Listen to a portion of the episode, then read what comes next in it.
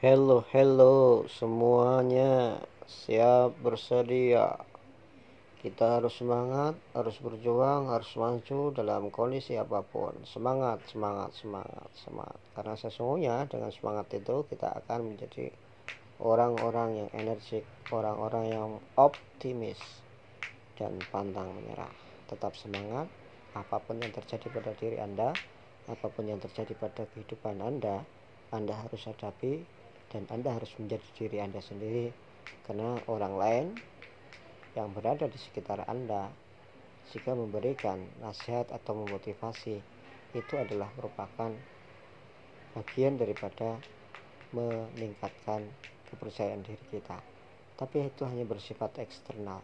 Karena sesungguhnya motivasi yang paling utama itu berangkat dari motivasi internal yaitu dari diri kita sendiri.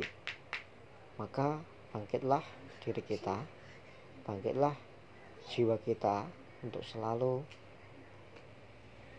termotivasi.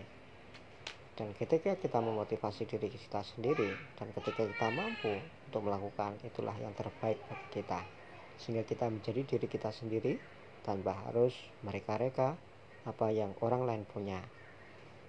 Nah, terima kasih. Mudah-mudahan sharing ini menjadi bermanfaat bagi kita semua dan ke depannya kita akan coba pada tema-tema lain. Saya Nafi undur diri. Terima kasih yang telah mendengarkan apa yang saya sampaikan.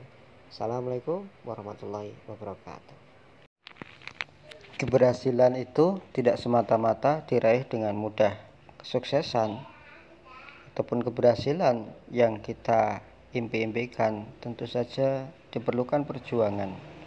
Perjuangan itulah yang akan menentukan hasil dalam artian proses yang kita jalani selama ini apakah sudah menunjukkan indikator-indikator menuju kesuksesan?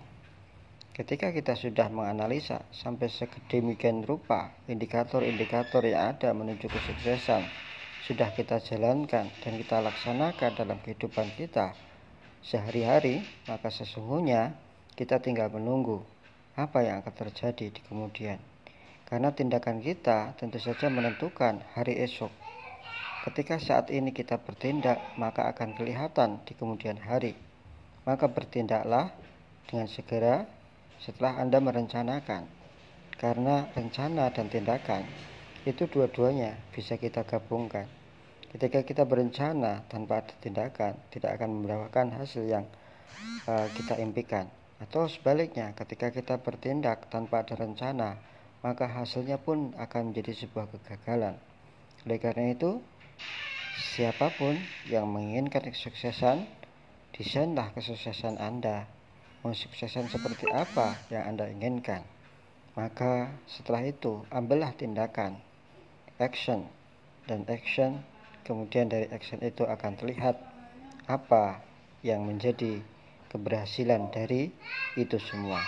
Terima kasih, semoga kita tetap diberikan semangat dalam hidup ini, dalam menatap masa depan, dalam menatap kehidupan yang lebih bagus, yang lebih sejahtera, yang lebih bahagia. Karena sesungguhnya kita berhak untuk sukses, kita berhak untuk sejahtera. Salam buat teman-teman semua. Assalamualaikum warahmatullahi wabarakatuh.